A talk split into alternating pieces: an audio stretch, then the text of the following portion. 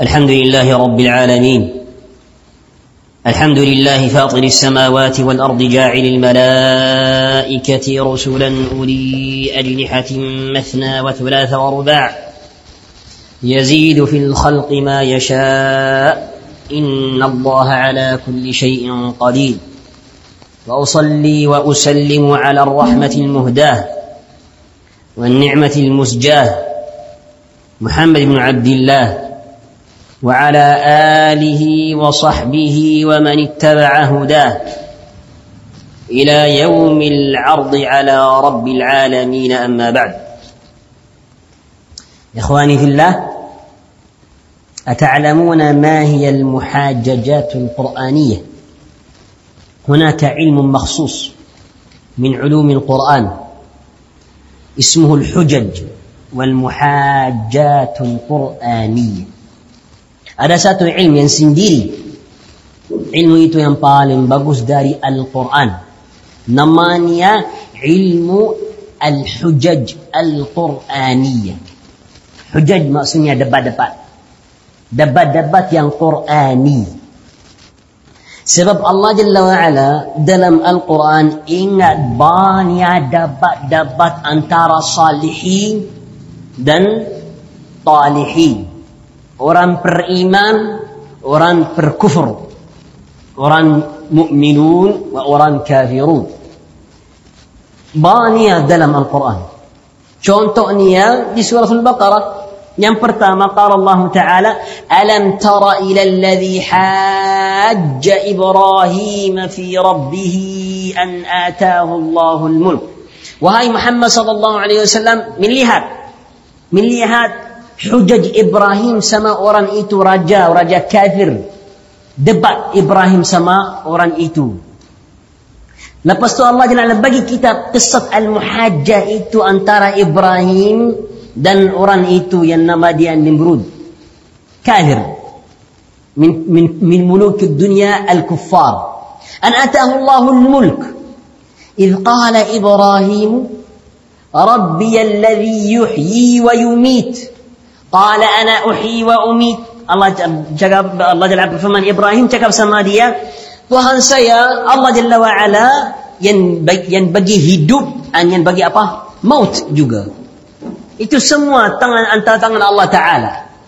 Faqala al-malikul kafir, malik raja itu yang kafir cakap, saya juga, saya juga.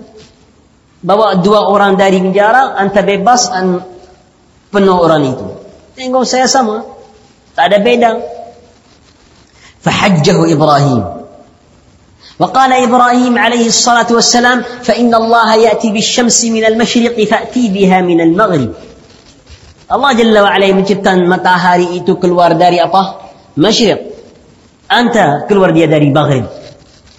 فبهت الذي كفر dia diam tak bisa jawab itu muhajjah Quraniyah. Dari muhajjah ini kita tahu macam mana orang beriman sabat dan kuat sama ilmu sama tamyiz. Dia debat sama orang berkafir itu tapi ada tamyiz ada ilmu ada sabat ada iman. Muhajjah itu depan orang yang kafir. Siapa? Raja. Mungkin dia mati tapi untuk Allah azza wa jihad fi sabilillah muhajjat itu banyak dalam Al-Quran. Macam muhajjat Ibrahim juga. وإذ قال إبراهيم لأبيه آزر تتخذ أصناما آلهة إني أراك وقومك في ضلال مبين الآية دي سورة الأنعام فلما رأى الشمس بازغة قالها فلما رأى القمر بازغا فلما رأى كوكبا قال هذا ربي فلما أفل قال لا أحب الآفلين فلما رأى القمر فلما رأى الشمس itu muhajjah wahajjahu qaumuh debat Ibrahim debat qaumnya أن بقي دليل توحيد الله تعالى في أفعال العبيد وفي أفعاله جل وعلا. سما دبت موسى عليه الصلاة والسلام. ها دبت موسى عليه الصلاة والسلام contoh قال فرعون وما رب العالمين؟ Siapa Tuhan رب العالمين menciptakan dunia itu? وما رب العالمين موسى رد عليه وحاجة دبا سما فرعون. قال رب السماوات والأرض وما بينهما إن كنتم موقنين. قال لمن حوله ألا تستمعون قال ربكم ورب آبائكم الأولين. قال لئن اتخذت إلها؟ قال قال دبا أن ترى صالحين dan orang apa kafirin banyak muhajat muhajat dalam Al-Quran atas ratus muhajat depan ada manfaat tak dari muhajat itu ada manfaat tak manfaat banyak dari banyak sisi di agama tapi ada satu muhajah ada satu debat dalam Al-Quran yang paling istimewa ada satu debat dalam Al-Quran yang beda. Ada satu di Al-Quran sangat beda sampai Allah bagi nama untuk surah ini sebab debat ini. Sekarang muhajja Ibrahim sama Nimrud itu al-kafir nama surah itu Al-Baqarah. Wa tilka al-qasas. Wa tilka al-a'raf. Wa tilka tapi muhajjat itu sebab untuk surah ini yang panjang ambil nama muhajjah ini. Debat yang paling penting. Kenapa? Sebab debat itu debat yang akhir. Setelah niat tak ada debat lagi. Tak ada debat lagi. Debat yang akhir. Debat yang paling penting dan utama. Contoh untuk kita itu dapat ashabul a'raf surat al-a'raf itu yang paling panjang setelah surat al-baqarah al-baqarah buku al-quran buku kita surah yang paling panjang pertama surat apa al-baqarah nombor dua surat apa al-a'raf sekitar 15 lembar itu semua namanya untuk satu debat Dapat siapa? Dapat ashabul a'raf. Ini surah al-a'raf. Dapat yang ajib. Dapat yang penting untuk iman kita. Dapat yang ajaib untuk kita. Fokus ya akhwani fillah. Tapi sebelum ya akhwani fillah kita lanjut, saya minta setiap orang dari kamu ambil mushaf. Barakallahu fikum. Ambil mushaf untuk dia pergi sama saya dalam debat itu. orang yang tua tak berdiri, orang yang tua duduk, orang yang muda bawa masahif untuk orang yang tua. Hormatan orang yang tua. Orang yang tua tak berdiri, tak perlu.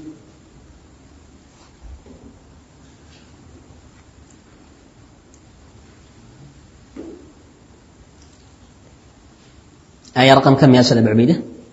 الآية الصفحة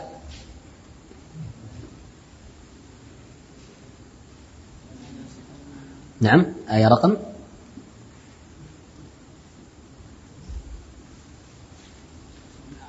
نعم لا لا الآية رأس الصفحة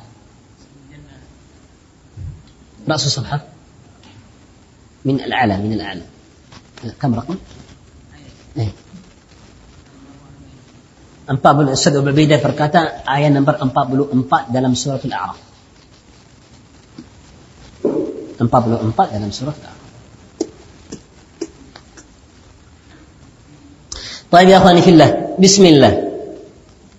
Antum bagi sama saya dalam kisah itu, dalam debat itu. Dan kita mau sekarang cari an kenal. Kenapa sangat penting dapat itu sampai Allah Ta'ala bagi nama dapat itu untuk surah ini yang paling panjang. Kenapa? Soalan yang pertama sebelum masuk dalam dapat itu. Apa maksudnya a'raf di bahasa? Jawaban. A'raf di bahasa Arab maksudnya tempat yang tinggi. Tempat yang apa? Tinggi. Soalan apa maksudnya a'raf di agama kita dan maksudnya dalam surah ini? Jawaban ikut mendapat mayoritas ulama salaf dan khalaf dan itu yang sah. Tak perlu pergi untuk mendapat lain walau khilaf itu paling tinggi, paling besar. Tak perlu. Pendapat yang betul melihat sama saya. Lihat sama saya, fokus sama saya. Sekarang tanya kamu. Siapa yang masuk syurga setelah hisab? Setelah masuk dalam mizan setelah hisab, siapa yang masuk syurga? Jawaban, yang masuk syurga yang hasanah dia lebih dari apa? Dosa dia. فمن ثقلت موازينه فأولئك هم المفلحون فمن يعمل مثقال ذرة خيرا يره Kalau timbang kamu yang hasanat dalam timbang kamu sisi hasanat lebih berat dari sisi apa? Sayiat masuk mana? Syurga. Siapa yang masuk neraka setelah al-mizan, setelah hisab itu? Jawaban, orang yang sisi sayiatnya lebih apa? Berat dari apa? Hasan. ومن خفت موازينه فأولئك الذين خسروا أنفسهم في جهنم خالدون فحفظكم الله maksudnya maksudnya yang sisi nia yang untuk pahala berat masuk syurga. Sisi nia yang apa? Yang jelek masuk mana? Neraka. Sebelum lanjut mau kasih kamu satu perkataan yang paling ajib dari Abdullah bin Mas'ud. Dari siapa? Abdullah bin Mas'ud. Sahih untuk Abdullah bin Mas'ud. Tengok-tengok orang yang yang tahu agama, tahu makna kitab Allah. Qala bin Mas'ud, ajib. Masih ada orang yang sisi sayiat dia lebih berat dari hasanat dia walau Allah sudah bagi kita tahu satu hasanah macam sepuluh dan satu sayiat macam apa? Satu. Maksudnya hasanat kamu berapa kali? Sepuluh. Sayiat kamu berapa kali?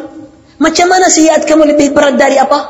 Hasanat. فقال ابن مسعود رضي الله تعالى عنه خاب وخسر من كانت آحاده أكثر من عشراته عشراته maksudnya sepuluh, sepuluh, sepuluhan itu orang paling rugi yang sendirian sendirian satu-satunya lebih dari apa? Sepuluh sepuluhnya. Tak masuk akal. Kenapa rugi? Sayyi'ah kamu satu. Hasanat kamu berapa kali?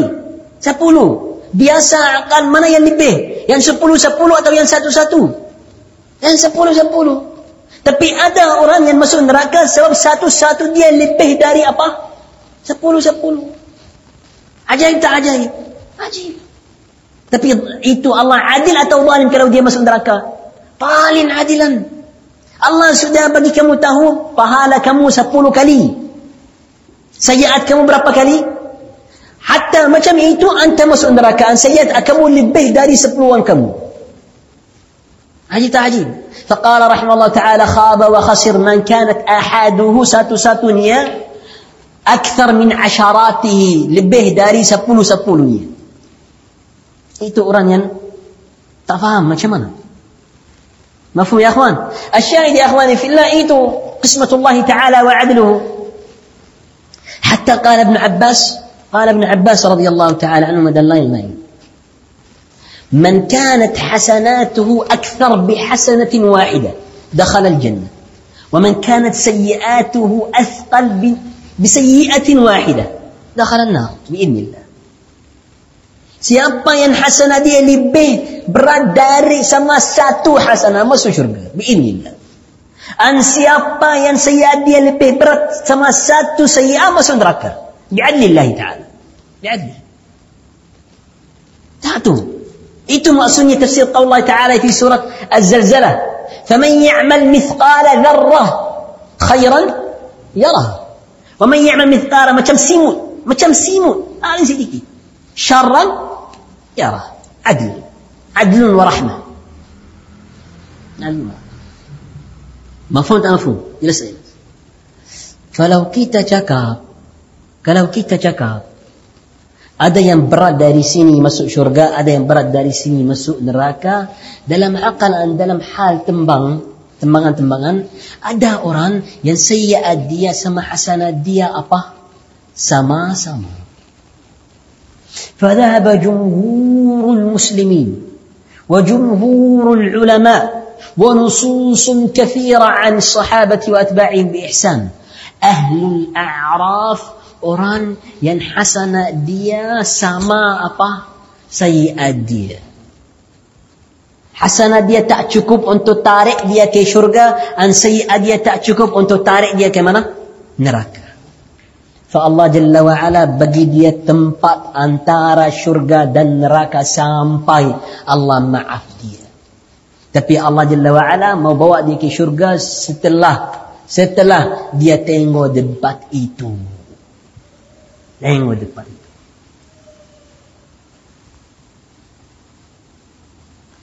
Fa ahlul a'raf dalam dalam tempat antara syurga dan neraka tapi atas. Atas apa? Atas tempat yang potong batas batas antara ahlu nar wa ahlu syurga. Macam dinding yang besar, yang tinggi. Dinding itu macam penjara. Orang yang di syurga tak bagi untuk orang yang apa? Neraka. Orang yang neraka tak bisa bagi untuk orang yang apa? Syurga. Dinding itu ada pintu dalamnya macam Allah Jalla berfirman dalam Al-Quran.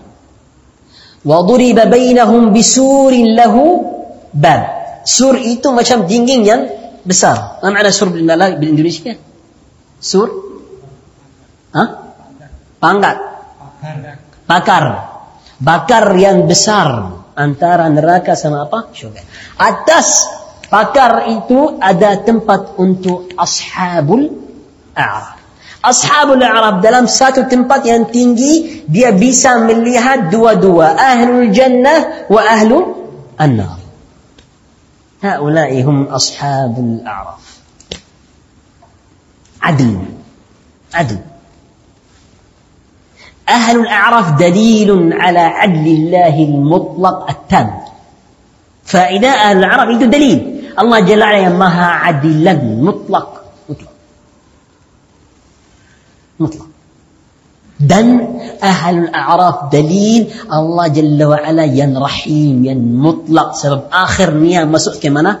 شرقة في ست الله دبات إيتون dapat itu maksud yang syar'i untuk al-a'raf ashabul a'raf menjadi dalam tempat itu kenapa dars untuk kita faedah untuk rahmah untuk orang beriman yang tahu yang ada akal di hatinya inna fi dhalika la dhikra liman kana lahu qalbun atau alqa sam'a untuk orang itu sahaja orang yang tak tahu tengok surat al-araf itu apa-apa tak tahu kenapa ada apa nanti ada ini sangat rugi.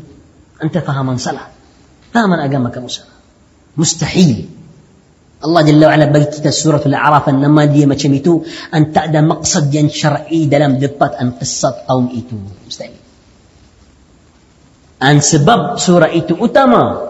Surah itu dari sab'u tuwal surah itu طول الطول يين كما قال زيد بن ثابت. مأسونيا مقصد إيتو باليم بسارة تنجي أنتم فهم تفهم جلس جلس نعم يا أخي إن شاء الله كيتا مسو أن آيات إيتو ساتو برساتو أن أنبي الفوائد المنفعة داري دبت إيتو أنتارا أصحاب النار وأصحاب الجنة. أنت لم يا أصحاب الأعراف.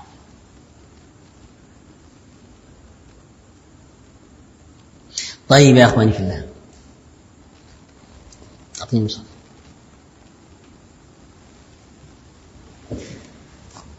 dari ayah nomor دوار dari ayat nombor 40 maaf dari ayat nombor 40 قال الله تعالى إن الذين كذبوا بآياتنا واستكبروا عنها لا تفتح لهم أبواب السماء إن الذين كذبوا orang yang tolak hakikat agama. واستكبروا dia sombong juga. لا تفتح لهم أبواب السماء ولا يدخلون الجنة مستحيل يتأمسوا شرقا مطلق حتى يلج الجمل في سم الخياط. ولو جمل إتو مسوء دلم لبان ينبالين كتيل ليتا مسوء مستحيل وكذلك نجزي المجرمين. إتو جزاء أنت أرن ين مجرم ين كافرين تينو الله جل من جلس كان أنت كيتا حال سي أبا أرن ين أبا ين كافرين ثم قال الله تعالى لهم من جهنم مهاد ومن فوقهم غواش mihan tanah dia tempat tidur dia ya, neraka. Wa min fawqihim ghawash. Atas dia juga apa? Neraka. Selimut dia juga apa? Neraka. Selimut dia neraka. Tempat tidur dia neraka. Dia jalan atas neraka. Dia bawah apa? Neraka. Hidup dia terus menerus dalam adab. Lahum min jahannam mihadu wa min fawqihim ghawash. Wa kadzalika najzi adh-dhalimin Itu sebab dia orang yang perzaliman. Untuk diri sendirian, untuk orang lain. Lepas tu Allah Ta'ala menjelaskan untuk kita hal orang beriman. والذين آمنوا وعملوا الصالحات لا نكلف نفسا إلا وسعها orang beriman itu yang buatan-buatan amalan salih la nukallifu nafsan ikut mampu dia tengok rahmatullahi taala orang salih ikut mampu dia والذين آمنوا وعملوا الصالحات لا نكلف نفسا إلا وسعها أولئك أصحاب الجنة. dia orang هم فيها خالدون. terus menerus di ونزعنا ما في صدورهم من غل إخوانا. ونزعنا ما في صدورهم من غل تجري من تحتهم الأنهار. لأنهم إخوان. ما شاء الله dalam ayat lain Allah Ja'ala bersih hatinya semua masuk syurga hatinya semua bersih semua bagus tak ada lagi di syurga hati-hati sakit dari hati-hatinya tidak ada sebab sakit-sakit di hatinya itu adab. Dan di syurga tidak ada apa? Adab. Orang yang hasad, orang yang benci, orang yang ada apa-apa, dia hidup dalam adab. Dan syurga tidak ada adab. Allah Allah rahmatan dia an bersih hati. ونزعنا ما في صدورهم من غل تجري من تحتهم الأنهار أهل النار تجري من تحتهم النيران أهل النار bawah dia ada apa? neraka orang beriman bawah dia dinding anhar sungai sungai dari dari madu dari susu dari khamr yang halal dari air yang apa yang bersih dinding yang bagus وقالوا الحمد لله dia berkata alhamdulillah الذي هدانا لهذا الله bagi kita hidayah untuk dapat itu وما كنا لنهتدي لولا أن هدانا الله Walau kita buat kita buat amalan salih tapi buatan kita sebab hidayatullah taala bukan sebab kita orang cerdas bukan sebab kita orang semangat itu rahmat dari Allah taala laqad ja'at rusul rabbina bil haqq itu sebab Rasulullah taala dia asbab untuk kita dapat hak itu ar-rahmah itu al-jannah ونودوا أن تلكم الجنة أورثتموها بما كنتم تعملون Allah panggil dia syurga itu sebab amalan kamu yang salih. Sama orang neraka itu, kadzalika najzi zalimin. Amalan kamu yang jelek bawa kamu untuk neraka. Amalan kamu yang salih sebab bawa kamu untuk mana? Syurga. Sekarang kita kenal antahu ahwal orang di neraka dan ahwal orang di mana? Syurga. Tapi Allah Ta'ala tak berhenti sini ada satu waktu ada satu hal satu saat setelah na'im itu dan setelah azab itu ada hubungan antara ahlul nar wa ahlul jannah ada perkataan ada debat ada muhajjah antara dia maksudnya muhajjah itu sebelum masuk atau setelah masuk neraka dan syurga Sebelum atau setelah? Setelah sudah Allah bagi kita tahu ahwal dia di neraka macam mana, dan ahwal orang ahli jannah macam mana sudah masuk. Orang yang naim sudah rasa naim. Orang yang diadab sudah rasa apa? Adab Sudah dapat. فقال الله تعالى ونادى أصحاب الجنة أصحاب النار Allah mulai dapat itu sama panggilan pertama dari siapa? Dari siapa? ahlul jannah. Kenapa? Kenapa? Sebab dia paling gembira. Kenapa? Sebab di dunia dia mazlum. Di dunia orang yang mulai perkataan biasa orang yang apa? Yang ahlul nar, yang fujar, yang zalimun. ولهذا قال الله تعالى وإذا مروا باللغو مروا سلاما قال الله تعالى فيهم orang yang di, syur, di akhir di dunia yang pertama cakap yang pertama membahaya orang lain orang kafir membahaya orang apa beriman قال الله تعالى في وصف محمد صلى الله عليه وسلم أرأيت الذي ينهى عبدا إذا صلى؟ محمد صلى الله عليه وسلم buat apa untuk dia? أن berdiri ansara dia membahaya dia. أرأيت الذي ينهى؟ Itu yang pertama حرى صلى الله عليه وسلم di مكة عبدا إذا صلى. أرأيت إن كان على الهدى أو أمر بالتقوى؟ برتاما أوران كافر tak tahan tengok orang yang muslim orang yang salih orang yang diistiqamah tak Orang yang fajir tak tahan tengok orang yang talib ilmu, orang yang di istiqamah tak tahan. Bahaya dia. Kalau anda tak tahu jalan-jalan dia, macam mana anda jaga diri sendiri? Macam mana? Itu sebab kita cakap, jangan fikir anda mau hidup terus-menerus dalam selamat. Mustahil. Mustahil. Tapi di akhirat beda. Di akhirat orang yang panggil pertama siapa? Orang yang siapa? Orang beriman. Allah bagi dia permisi. Dia yang cakap pertama. Wanada ashabul jannati ashaban nar. Dia panggil orang di neraka. Angkat wajadna ma wa'adana rabbuna haqqan. Kita sudah kenalan dapat yang Allah Jalla Ala sudah janji kita di dunia, kita sudah dapat sekarang. Allah janji dia sama rahmat, sama syurga, sama ridwan, sudah alhamdulillah kita masuk dapat. فهل وجدتم ما وعد ربكم حقا؟ فجمنا أنتم. ربكم تهان كم جنجي كم بانيا بانيا. منا؟ ين دنيا ين عبادة أصنام ين عبادة أبا أبا ين بكان الله تعالى. ين عبادة عيسى ين عبادة موسى ين عبادة عزيل ين عبادة أبا أبا. سده دبا قالوا نعم. فأذن مؤذن بينهم اللعنة الله على الظالمين Enam. Kita sudah depan. Allah Jalla cakap kita mau jumpa neraka, adab sudah depan. Faqalu na'am. Di syurga tak, di neraka tak ada tipu-tipu lagi. Tak bisa. Fa'adzana mu'adzinun bainahum. Waktu dia cakap, ada orang dalam niat yang dapat insaf. Tapi insaf dia sudah tak ada manfaat sebab dia semua dalam apa? Dalam neraka. Al-la'natullahi 'ala adh-dhalimin.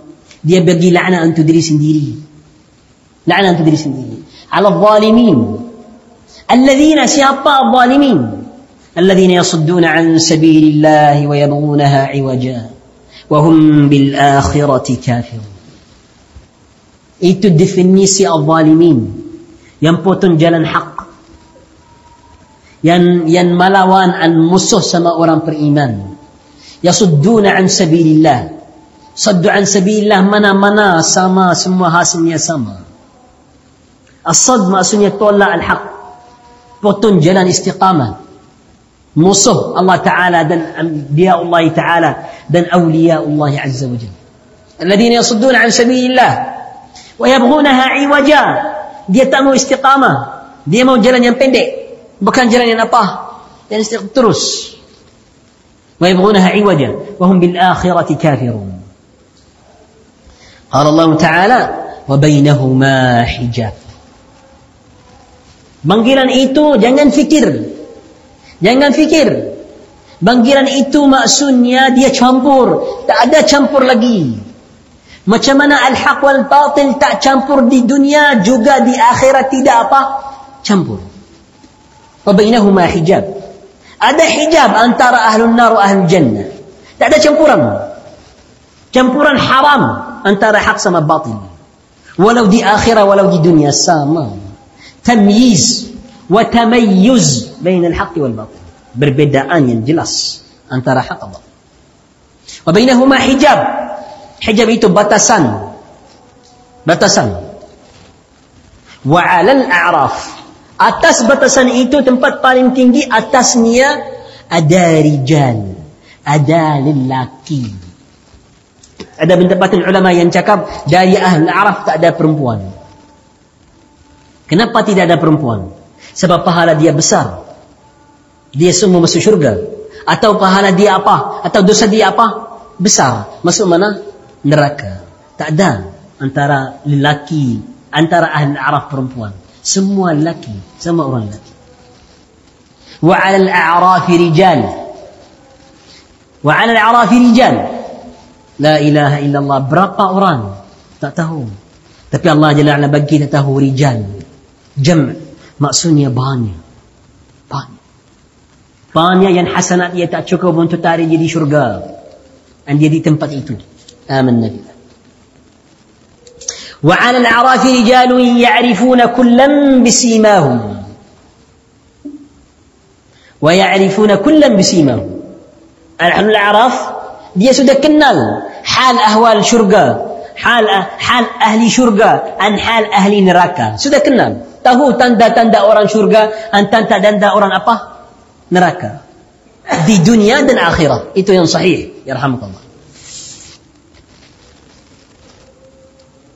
ونادوا أصحاب الجنة أن سلام عليكم sini waqf berhenti sini berhenti sini siapa yang tak ada tanda perhenti buat tanda perhenti itu jumhurul muslimin perhenti sini sudah makna habis maksudnya pertama ahlul araf hurmatan ahlul jannah dia panggil ahlul jannah ahlul araf yang tengah itu panggil ahli jannah. Assalamualaikum ya ahli jannah.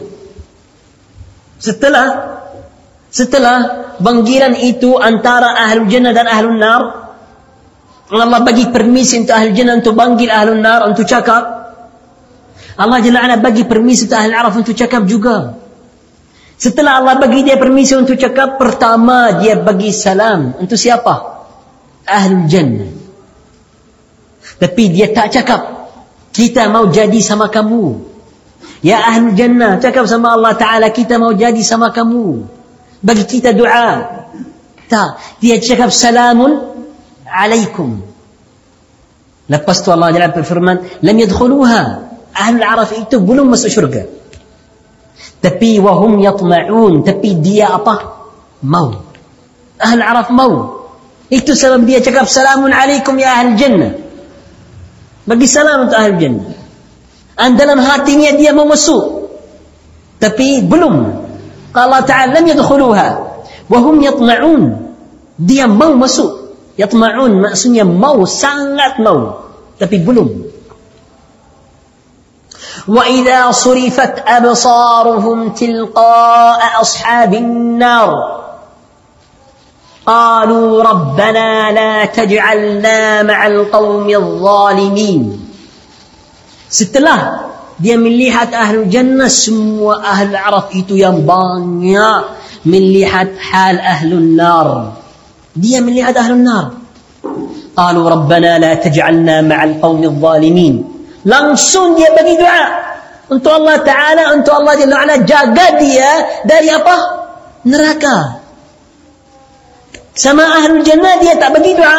Tapi dia jaga apa? Salam. Tapi waktu dia melihat ahli nar langsung dia bagi apa? Doa. Sebab dari dari sifat ahli araf orang malu. Dia malu sama Allah Ta'ala. Hasanat dia tak banyak. Sayyad dia sama hasanat dia banyak. Sama-sama. So dia cakap salamun alaikum tapi dia mau Allah tahu. Dan dia tahu Allah tahu ada apa di hatinya. Tapi setelah dia melihat ahlun nar, dia sangat takut. Tak tahan. Langsung bagi doa untuk Allah Ta'ala. Ya Allah, jaga kita untuk menjadi dari apa? Orang apa? Neraka. Langsung bagi doa. Bukan macam hal apa? Ahli jannah. Waktu dia melihat ahli jannah. Bukan.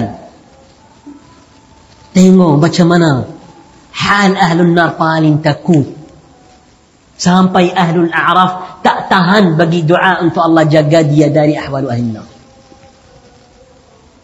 وإذا صرفت أبصارهم تلقاء أصحاب النار قالوا ربنا لا تجعلنا مع القوم الظالمين ونادى أصحاب الأعراف رجالا يعرفونهم بسيماهم قالوا ما أغنى عنكم جمعكم وما كنتم تستكبرون Setelah doa, Ahlul A'raf bagi doa dia panggil cakap sama satu jenis dari Ahlul Nar. Tengok ayat itu ya khawani fillah nombor 84. Di Ahlul Nar, Ahlul A'raf dia panggil macam Ahlul Jannah panggil Ahlul Nar, Ahlul A'raf panggil tapi satu jenis, bukan semua. Siapa? Orang yang di dunia ada banyak orang yang ikut ikut dia orang yang kepala. Dia kenal dia. Raja-raja dan apa-apa yang yang kepala di batil. Ahlul a'raf kenal dia. Qalu ma aghna ankum jam'ukum wa ma kuntum tastakbirun. Apa manfaat sekarang dari kamu? Dari dari berkumpul kamu dari jamaah-jamaah kamu di dunia apa manfaat? Di dunia antum orang yang paling tinggi. Yang ada jamaah ikut kamu sekarang apa manfaat lepas itu dia cakap apa manfaat dari kibir kamu dalil ahlul a'raf bukan ahlu kibir betul tak betul dalil ahlul a'raf bukan ahlu kibir hatta ahlul a'raf yang belum masuk syurga dia bukan ahli apa kibir Kalau ahli kibr, dia tak masuk dari ahli araf. Tak masuk. Dalilnya, tengok. وَمَا كُنْتُمْ تَسْتَكْبِرُونَ. ما كنتم تستكبرون. آمنا بالله. هذا هذا كبر الإباء. كبر كبر الكفر بالله عز وجل. نسأل الله العافية والسلام. وما كنتم تستكبرون.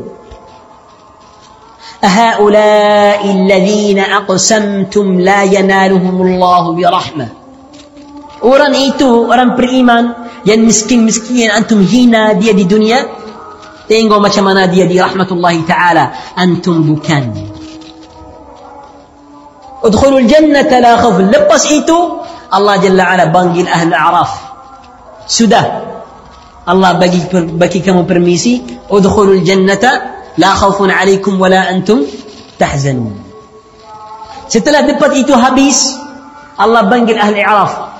Setelah ahli Araf, cakap macam itu sama orang di neraka dan Allah kenal Allah sudah yani orang itu sudah menjelaskan iman dia dan hal dia Allah Azza wa Jal bagi dia rahmah dan bagi dia permisi untuk masuk apa masuk apa syurga lepas debat itu habis Mungkin masa depan saya menjelaskan untuk kamu lebih sebab ada masih banyak faedah. Tapi sudah waktu habis. Tapi sebelum habis. Mana asyahid? Mana al-maqsad? Kenapa debat itu? Hasilnya apa? Allah Jalla wa'ala mau bagi kita tahu. Allah Azza wa Jalla yang maha adilan. Maha adil. Al-A'raf سورة الأعراف بكل القصص التي فيها semua kisah-kisah dalam surah Al-A'raf termasuk depan itu yang, yang utama. Semua tanda Allah Jalla wa'ala yang maha adil. Yang maha adil. Wala yazlimu rabbuka mithqalu dharrah. Wa in taku hasanatan yudha'ifha wa yu'ti min ladunhu ajran 'azima Allah Jalla wa'ala ta'ambil dari kamu satu hasanah bagi. Satu hasanah menjadi lebih. Dan kalau anda buat satu dosa menjadi satu dosa. Adil. Maha adil. Dalilnya tengok hal ashabul a'raf. Allah Jalla wa'ala tak bagi dia permisi langsung masuk syurga. Sebab dia bukan macam orang yang salihin, yang, yang hasanat dia lebih yang masuk syurga apa? Langsung dia tak sama. Tunggu sini. Tunggu. Antum tak sama. Adil. Walau Allah mau bagi dia permisi nanti untuk masuk mana? syurga nanti Dan sebelum masuk syurga, wajib ahli araf menjelaskan hal dia depan Allah Ta'ala, depan orang beriman semua. Wajib tolong orang beriman. Dan wajib tolak orang yang kafir. Dan wajib menjelaskan hal dia. Setelah itu, hasanah dia menjadi lebih. Dan masuk di mana? di syurga. Allah bagi dia permisi. ادخلوها لا خوف عليكم ولا أنتم تحزنون آمنا بالله الشاهد يا أخواني في الله. الشاهد يا أخواني في الله. تحري العدل العدل يا أخواني في الله قامت عليه السماوات والأرض وقام به الدين. اتقوا الله. والنبي صلى الله عليه وسلم يقول اتقوا الظلم فإن الظلم ظلمات يوم القيامة. صلى الله العافية والسلامة جزاكم الله خيرا. سبحانه وبحمدك. أشهد أن لا إله إلا أنت. أستغفر وأتوب إليك. والسلام عليكم ورحمة الله وبركاته.